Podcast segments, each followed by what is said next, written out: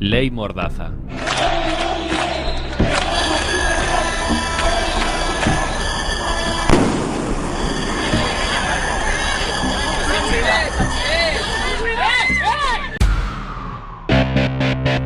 La ley Mordaza, de protección de la seguridad ciudadana, legaliza las listas negras de infractores, manifestantes, activistas, prensa alternativa, todos fichados como antes, pero ahora es por ley. El gobierno trata las cámaras de vídeos y fotos como armas peligrosas. No hay democracia ni se le espera. La ley Mordaza te impone multas de 630.000 euros por grabar en la calle a un policía que viola la ley. Pero ellos pueden grabarte, ficharte y hacer lo que quieran. La ley Mordaza es una ley hecha contra ti. ¡No a la ley Mordaza! ¡No a la impunidad policial! Our whole universe was in a hot, dense state that nearly 14 billion years ago expansion started. Wait, the earth began to cool, the autotrophs began to drool, Neanderthals developed tools, we built a wall. We built the pyramids. Math, science, history, unraveling the mystery that all started with a big bang. Since the dawn Y esta sintonía inconfundible de Big Bang Theory, una sitcom estadounidense creada por el conocido Chuck Lorre y Bill Prady, y estrenada el 24 de septiembre de 2007 por la cadena CBS. Tienen su haber seis temporadas con un total de 159 episodios de 20 minutos de duración y una séptima a punto de estrenarse. Pero algunos se preguntarán, raro me parece si alguien no la vio. ¿De qué va esto de The Big Bang Theory? Bueno, es difícil definir con precisión The Big Bang Theory, igual que cualquier sitcom, porque, a ver, alguien me puede decir de qué va Friends, o de qué va Seinfeld, o de qué va Matrimonio con Hijos o Mother Family. Es complicado sintetizarlo en pocas palabras, pero al igual que otras sitcoms, con la que, como las que acabamos de nombrar, esto va de personajes y de su día a día. Entonces, os preguntaréis, ¿cuál es la diferencia con el resto? Bueno, pues ya lo he dicho, los personajes. Porque, señoras y señores, esta serie ha conseguido algo inaudito. Ha conseguido por primera vez en la historia que los frikis tengan popularidad y nos hagan reír. Hola, hola. ¿Tú de qué vas disfrazado? ¿Yo? Te daré una pista. ¿Eres un coche? Casi. ¿Un coche con problemas mentales?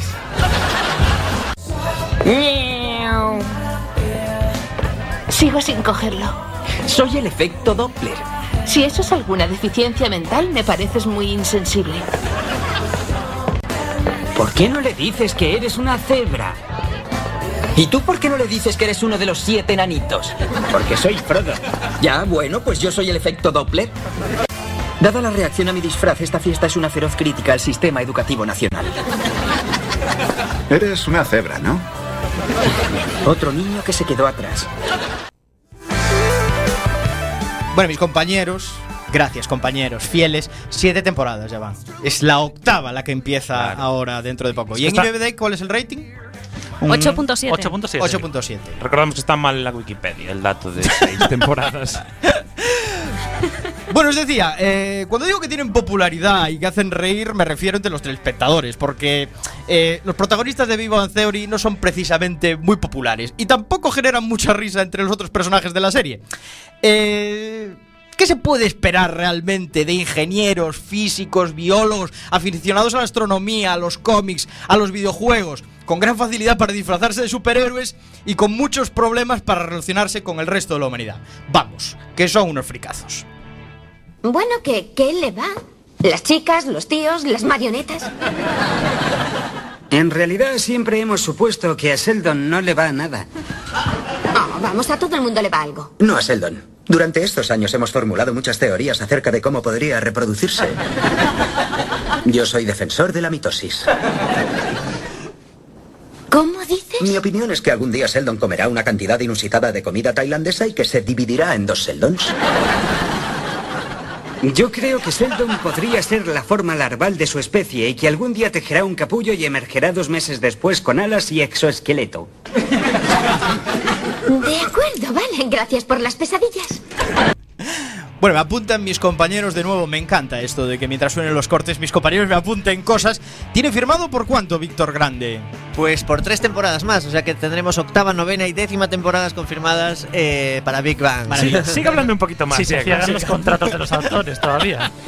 Efectivamente. Bueno, eh, ya hemos visto un poquito, ¿no? Ya podríamos decir que tenemos el marco de lo que es nuestra serie de esta semana de Big Bang Theory.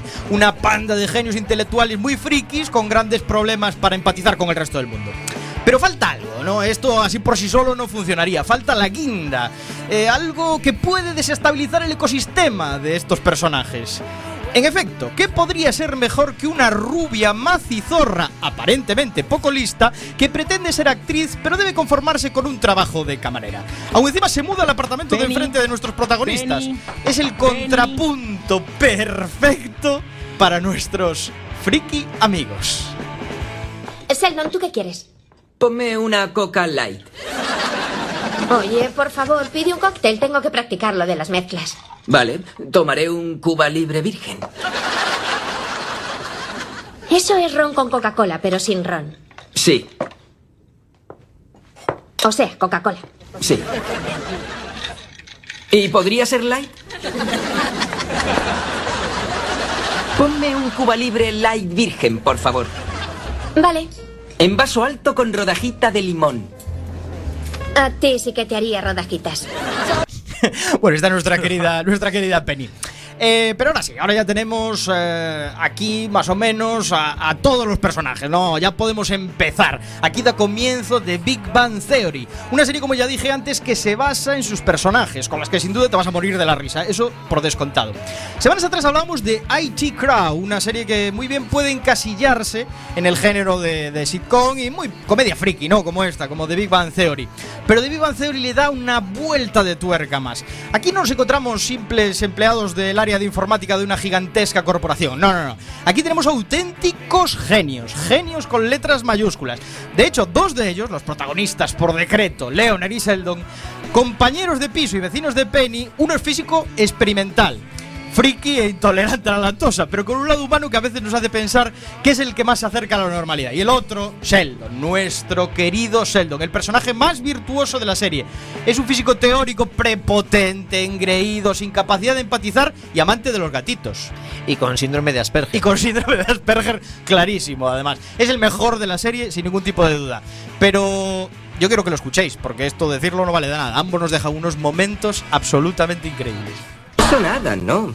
Pruebas entran que con piedra, papel, tijeras, los que se conocen empatan del 75 al 80% de las veces por el limitado número de resultados. Yo sugiero jugar a piedra, papel, tijeras, lagarto, Spock. ¿Qué? Es muy sencillo, mira. Tijeras cortan papel, papel tapa piedra, piedra aplasta lagarto, lagarto envenena a Spock, Spock rompe tijeras, tijeras decapitan lagarto, lagarto devora papel, papel desautoriza a Spock, Spock vaporiza piedra y como siempre, piedra aplasta tijeras. Vale, está muy claro. Bueno, aquí nos saca un datazo nuestros compañeros que Sheldon, el protagonista que acabáis de escuchar. Jim Parsons, Jim el actor, Parsons. eh, flipad porque tiene 41 años, eh, 41 que no años. aparenta ni de coña. El que viera la serie debe, debe alucinar. ¿no? Nació 41 el 24 de marzo del 73. Y Leonard tampoco se queda muy atrás, ¿no? Leonard tiene 39 años, nació el 30 de abril del 75. Bueno, pero yo quiero que escuchéis un poquito más de, de nuestros personajes, eh, porque mirar esta escena, por ejemplo, que les pasa en, en el cine. Esperad aquí, nos buscaré sitios. ¡Oh, no! ¡Ya tenemos! No son adecuados. ¡Ja! ¡Ja! ¡Ja! ¿Qué hace ahora? Buscar el sitio con mejor acústica. ¡Ja! Oye, ¿siempre hace eso? A veces hasta se trae un xilófono. ¡Oh! ¡Oh! Oye, siento muchísimo todo esto. No, tranquilo, Sheldon es muy rico. Mm, ¡Ne! Mm, ¡Ne! Bueno, son absolutamente incontables los momentos Penny, que nos dan Leonard y Penny.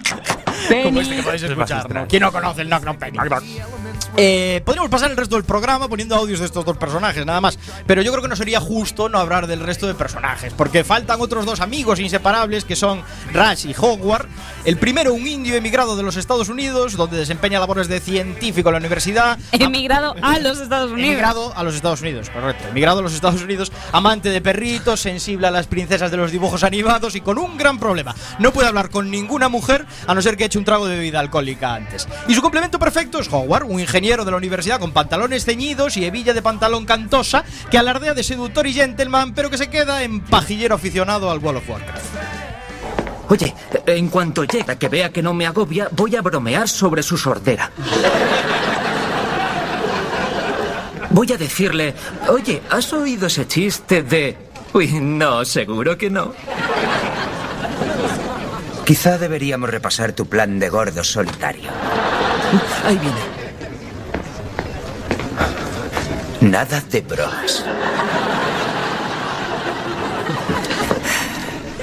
Dice que siente mucho llegar tarde. Va, dile que da igual. Dile que sus ojos brillan como lirios opalescentes en el lago del Palacio de las Doncellas Celestiales. ¿En serio? ¿Eso es lo primero que quieres decirle? Tarde toda la noche, díselo. No conozco la seña para opalescentes. Pues deletréaselo. No sé deletrearlo. No me fastidies el plan. Le gustan tus ojos. Haces que parezca un cavernícola. Dice que gracias y que también le gustan los tuyos. ¿De verdad? Eh, pregúntale que cuántos hijos quiere tener y sean los que sean, dile que yo también. Bueno, estos son otros dos de otros dos personajes, ¿no? Aquí podríamos decir que es la cúpula lo- los que los que se mueven, ¿no? Rush, Howard, Sheldon y Leonard son los más y Penny, no son los más La crema, importantes. quieres la creme de la creme de la serie, lo que más se mueve. La cúpula es una serie broza que echan en Antena 3. pero, muy, pero muy broza además. Penny, Penny, Penny. Bueno, la serie se mueve a lo largo de sus temporadas en muchas direcciones, ¿no? Ojo, sonido de spoiler. Tenemos sonido de spoiler. A lo largo de siete, Diego. De sus siete temporadas. Correcto. Me encanta que me aperciba este tipo de cosas. Bueno, se mueven muchas direcciones y voy a hacer algunos spoilers, ¿no? Por ejemplo, Leonard se enamora de Penny, Penny lo rechaza, luego salen juntos, Ras encuentra novia, Howard encuentra novia, Leonard se va a un barco a hacer no sé qué y deja a Penny, Sheldon encuentra novia, a Howard no le deja la, le deja la novia, luego sí, luego no. ¿Qué dije mal? Sigue, sigue. Me mola la metralleta spoiler, dale. Y luego incluso Howard se va de astronauta, ¿no? Les pasa absolutamente de todo. Todo situaciones habituales para el resto de la humanidad, a lo mejor, entre comillas, ¿no? Pero que a un friki antisocial podría sentarles algo diferente. Espera, tienes que llevarme a casa. ¿Y cómo has venido? Andando. Pues vuélvete andando. No puedo. Hay un perro enorme ahí fuera.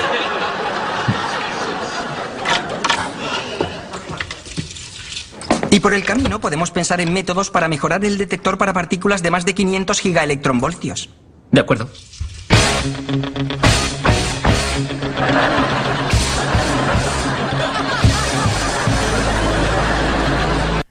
Aquí tenemos, ¿no? Dos, dos hombrazos, ¿no? Teniéndole miedo a un perro. Pero bueno, lo mejor de, la, de que la serie evolucione entre el paso de temporadas es que aparecen nuevos personajes, ¿no? Entre los que lo destacan dos chicas que vienen para quedarse, que no son eh, simples actrices que vienen a hacer un cameo un par de capítulos. Ellas son Bernadette y Amy. La primera, una bióloga con una voz estridente que para su desgracia se enamora de Howard e incluso se casa con él. Ojo, spoiler también.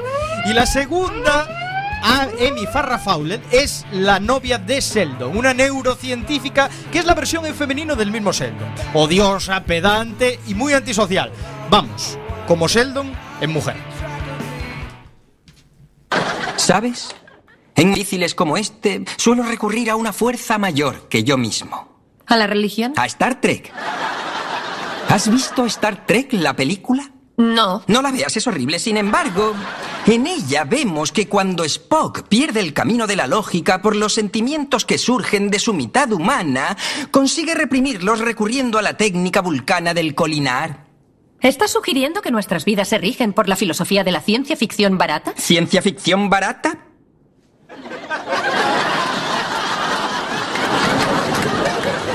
¿Qué estás haciendo? Recurrir al colinar para reprimir mi furia ante tu comentario. ¿No crees que esta reacción tuya podría estar motivada por algo tan simple como los celos? No lo he considerado. Dame un momento. Bien, ya lo he considerado. ¿Y? Lo niego. ¿Lo niegas porque no sientes celos o porque estás reprimiendo los celos? Creo que me iré a comer a casa. Eso no es tu comida, Sheldon, son las muestras de tejido cerebral. Ah. Como las habías cortado mal, no me extraña que las haya confundido con mi sashimi. Bueno, aquí lo tenéis, ¿no? Es un combinado perfecto para las nuevas generaciones de serial lovers, porque tiene referencias frikis a todo tipo de películas, juegos, series e historias actuales, ¿no? Mezclando con una elaboración de personajes prodigiosa y unos guiones absolutamente magistrales. En definitiva, esto es The Big Bang Theory. Bazinga. Efecto final. El efecto final. Bueno, más datos que añadir sobre The Big Bang Theory. Era. Bazinga. Por supuesto, Era tenemos que Blossom. decir que es la voz. Farrah Fowler es la mítica Blossom de la serie, la serie de los 90, pero lo más importante no es que sea Blossom, que a todos nos trae buenos recuerdos, sino que efectivamente interpreta a una neurocientífica en la serie, pero lo es en la vida real. Tiene un doctorado en neurociencia por la Universidad de Los Ángeles, esta chica, que por cierto se llama Majin Bialik. Bazinga. Y está casada y tiene dos hijos, que ya os lo digo más. Pero- eh, central de A datos. ver, pero si es neurocientífica. Minuto y resultado. ¿Para qué se metió a Blossom? Primero hizo Blossom Claro. y luego sacó el doctorado. Era niña cuando hizo Blossom. Efectivamente. Vi que estu- estuvo casada, estuvo. Estuvo casada, efectivamente. ¡Datos broza! Se, di- se divorció el año pasado, en 2013. Tienes toda la razón. Bueno, hay personajes que no doy tiempo a hablar, pero por ejemplo, la madre de Howard, que es absolutamente Es un genial. McGuffin, la madre de Howard. Correcto, que nunca se ve, solo se oye la voz, ¿no? Directamente. O, o el chico de la tienda de los cómics, ¿no? Que es auténticamente patético y. Y lo sabe, y lo sabe. ¿sabes?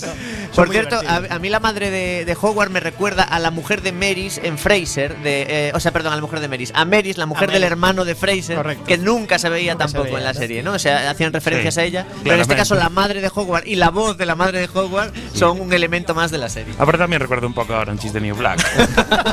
Y luego los cameos de gente famosa. Bueno, sí, que sale un montón, ¿no? Sí, sí. Aún estuve viendo Yo- y. Yo quería comentar el de Will Wheaton. Hombre, Will Wheaton. No, el grande, es el que iba a decir, ¿no? Hasta sale Stan Lee, amantes de los cómics. Correcto. Bang- Stephen Hawking, por supuesto. con un papel. Es verdad, Stephen Hawking sale en muchísimos, incluso haciendo de sí mismo. Es As Himself. Hombre, es que si hace de otro lo peta, ¿eh?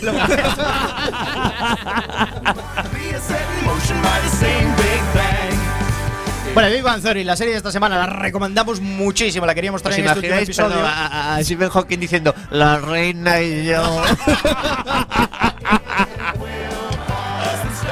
Quantum Batsinga, Es un clarísimo, un clarísimo 10 de serie, ¿no? Muy bien, muy entretenida, 20 minutos, rápida de ver, maravillosa. Desde Spoiler Quack FM Bazinga. recomendamos The Big Bang Theory. Yeah.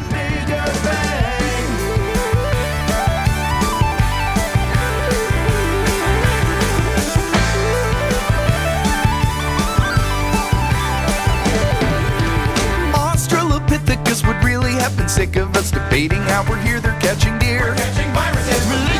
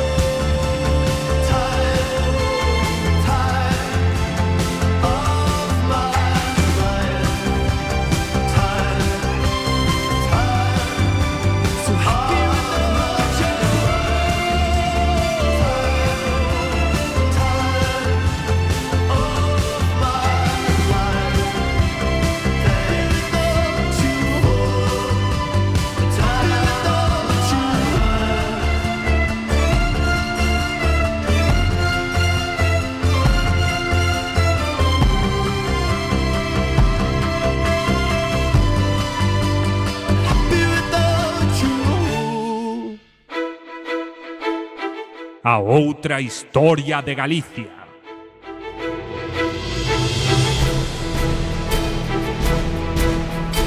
O primeiro romano que pisa Galaecia.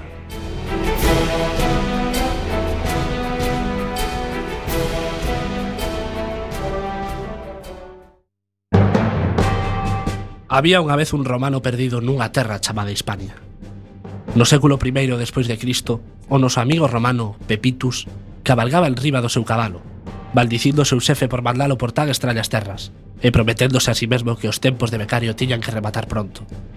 Malditos, algún día serei eu o xefe.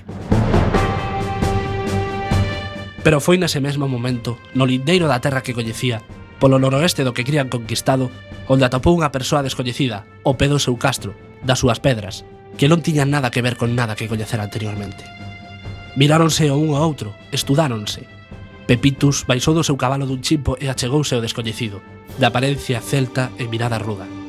Ningún dos dous dixo nada, ata que o extraño alzou a voz.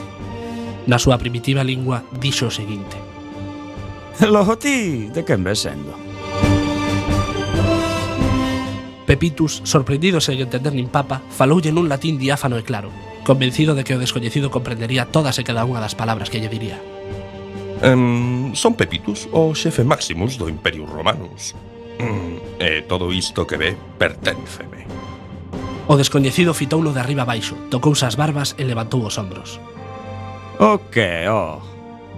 Pepitus, extrañado sabendo que a cousa non ia sair ben, subiu no seu cabalo e arreou como folla que leva o vento. Agarde aí, veño agora. Tirou das bridas, espoleou o animal e fregou as mans, pensando no ascenso que recibiría cando dese a boa nova ao imperio dun terreo aínda sen colonizar. Sí, ese ascensus vai ser meu. Aí cando yo conta a miña nai que quería que me metese a carpinteiros. Entre mentres, o noso descoñecido observaba o dende o lonxe e murmuraba entre dentes. Xente de fora, que extraña é. Aquí comeza a nosa historia, no século I despois de Cristo, nunha terra chamada Galaecia.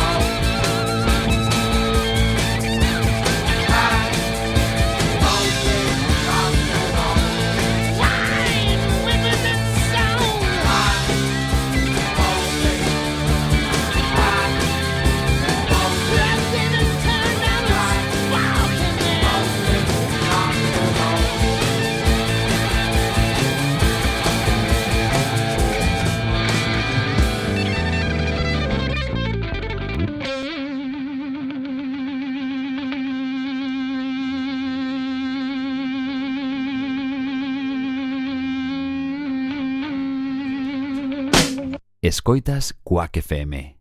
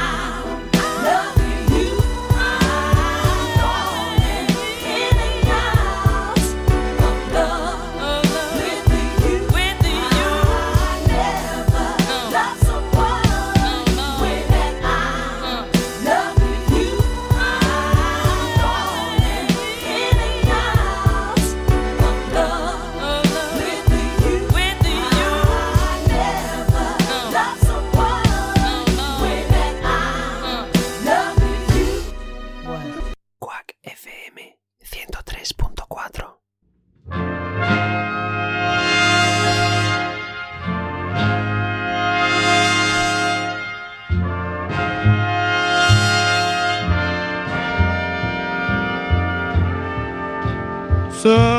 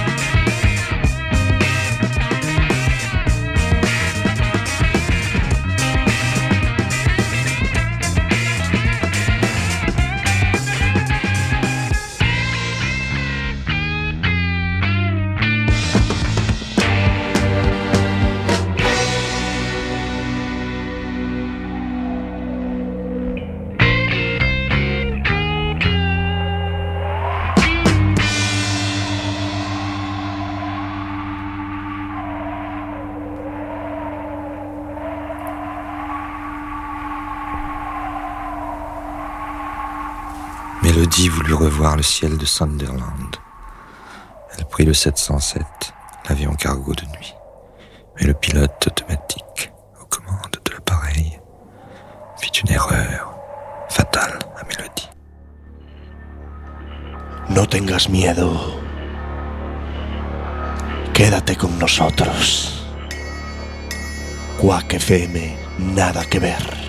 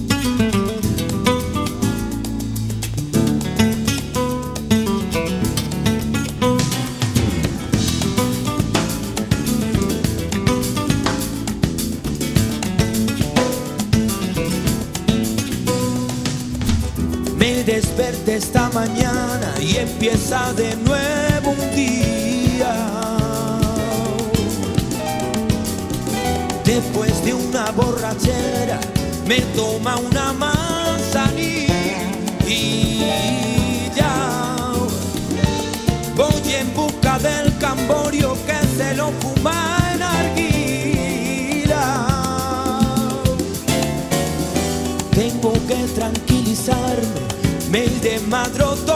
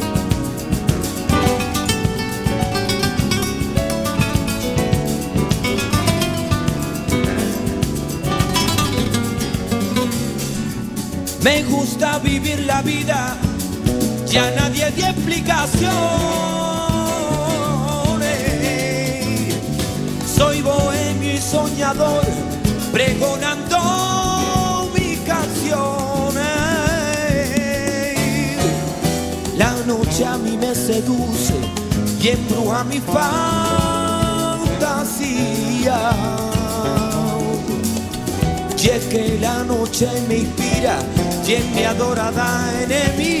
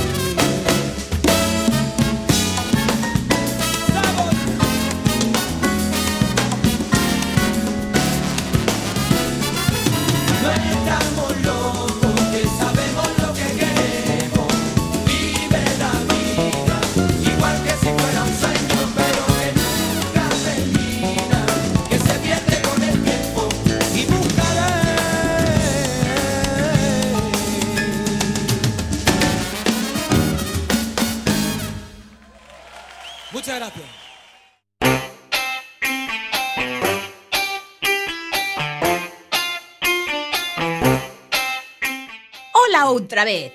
Unha vez máis, atopámonos na sección de Isto como era de Isto é galego. E de que imos falar hoxe? Porque xa temos falado de tantísimas cousas que se nos acaban os temas. Que va, non é certo. Sempre hai cousas das que falar.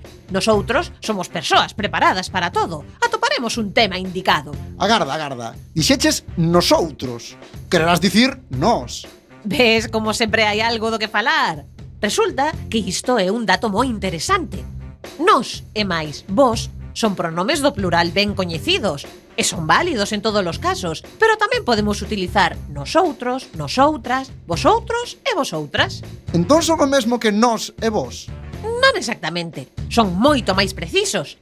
Refírense a un grupo moi específico de persoas, un grupo delimitado, Eu puiden ter dito «Nós somos persoas preparadas para todo» e tería sido correcto, pero estaba a pensar no equipo de persoas de Isto é Galego, que é un grupo delimitado, así que optei polo «Nosotros».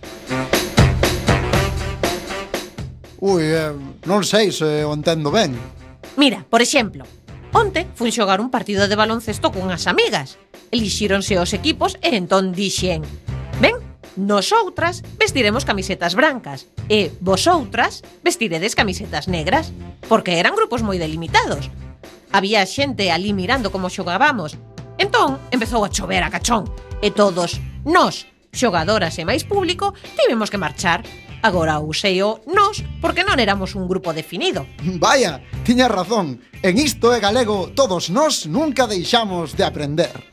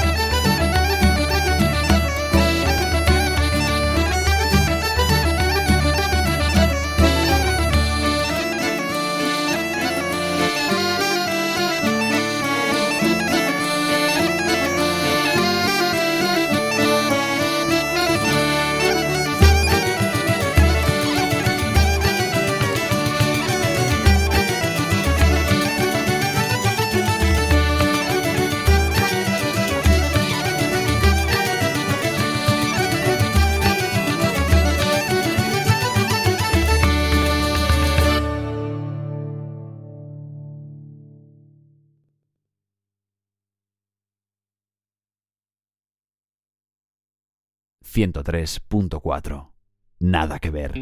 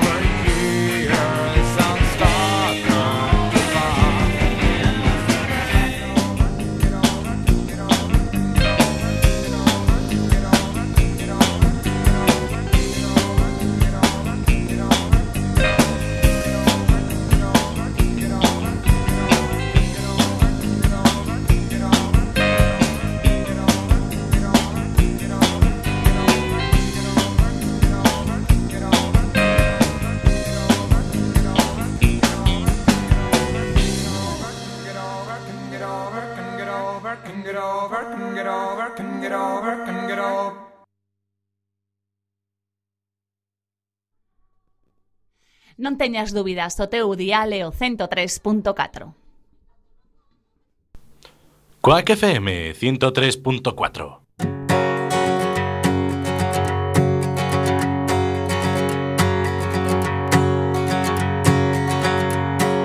Out with me, as private, and we'll sail around the world. I will be your Ferdinand, and you my wayward girl. Many nights of talking in hotel take many nights of limping round and pagan holidays. Oh, elope with me in private and we'll set something ablaze. A trail for the devil to erase. San Francisco's calling us, the Giants' Mets will play.